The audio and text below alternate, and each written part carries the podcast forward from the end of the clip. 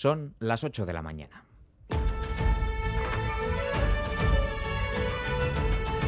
Crónica de Euskadi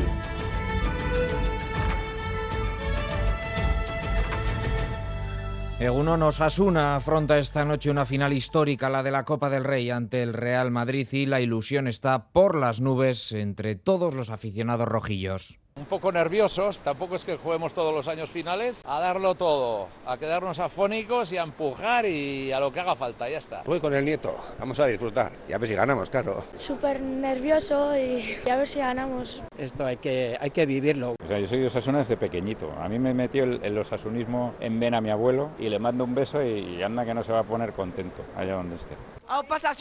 Decenas de miles de desplazados también hasta Sevilla en busca de la primera copa para los rojillos, un partido que no va a ser fácil, que comenzará a las 10 de la noche y del que vamos ahora a conocer la última hora. John Zubieta Gunón. Hola Egunón, efectivamente, gran día para Osasuna, se enfrenta al Real Madrid esta noche en la Cartuja. Nos vamos a Sevilla para conocer la última hora del conjunto rojillo. Rafa Aguilera, Egunón.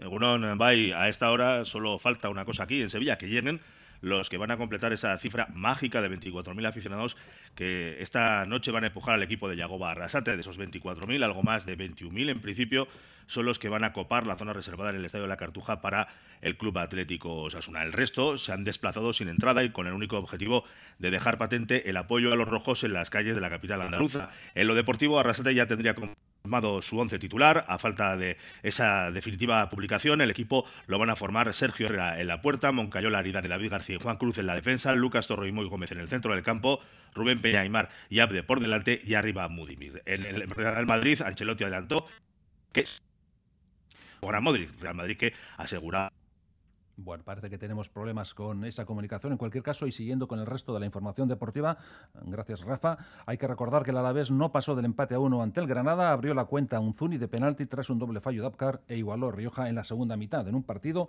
en el que los nazaríes acabaron con 10, como el Alavés, que perdió también a Duarte. Con este empate, el Eibar sigue al frente de la tabla con 66 puntos, los mismos que Granada y Alavés.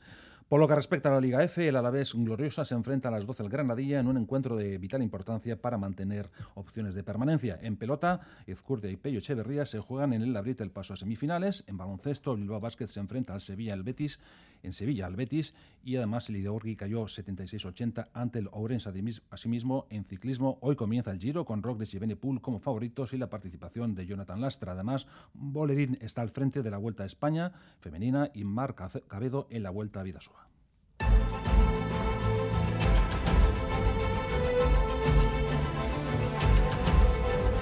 Pero la actualidad nos plantea más cuestiones más allá del deporte, entre otras el preacuerdo entre UGT Comisiones y la patronal COE, que recoge subidas salariales para tres años, un 4% para este 2023 y otro 3% para cada uno de los dos próximos años. En total, un 10% al final de este periodo, Rodrigo Manero.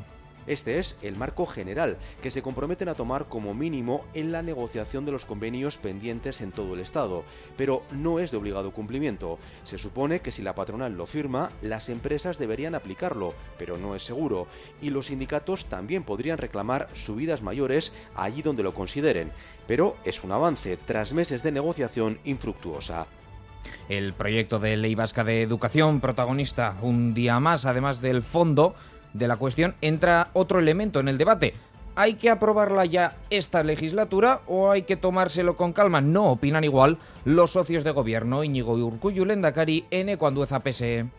Y ojalá nadie dificulte que pueda ser esta legislatura. Fácil no va a ser porque las discrepancias son evidentes. No por terminar aprobando una ley vamos a correr y vamos a hacer una ley que tenga vacíos, que tenga déficit. Nosotros no tenemos ningún problema. Si tiene que salir la siguiente, que salga la siguiente.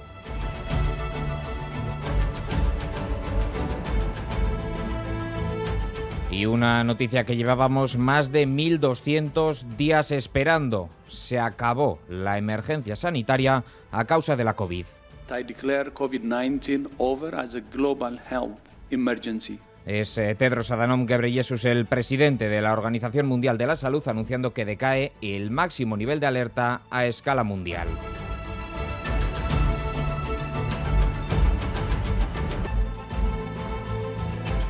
Tenemos a esta hora 9 grados en Vitoria-Gasteiz, 11 grados en Iruña, 12 en Bilbao, 13 en Bayona y 15 grados en Donostia. Es hora de conocer la previsión del tiempo para este sábado. Euskalmet, Nayara Barredo, Egunon. Egunon, comenzamos la jornada con tiempo luminoso. Seguiremos viendo algunas nubes medias y altas, pero la mañana será tranquila, con temperaturas que, aunque hoy se quedarán por debajo de los 25 grados, seguirán siendo bastante suaves. A lo largo de la tarde, sin embargo, el viento se irá fijando de noroeste, con algunas rachas fuertes, e irá aumentando la nubosidad. Así, de cara al final de la tarde o por la noche, se producirán algunos chubascos, que podrían venir acompañados de tormenta. Esos chubascos se darán de forma irregular, ¿eh? Serán más probables en Navarra, mientras que puede que en otras zonas apenas llueva nada. Por lo tanto, a lo largo de la tarde, con el viento del norte, llegarán más nubes y al final se producirán algunos chubascos. Sin incidencias en la red viaria vasca a esta hora, según informa el Departamento de Seguridad, con Paul Asensio y Maitane Bujedo en la dirección técnica. Comenzamos.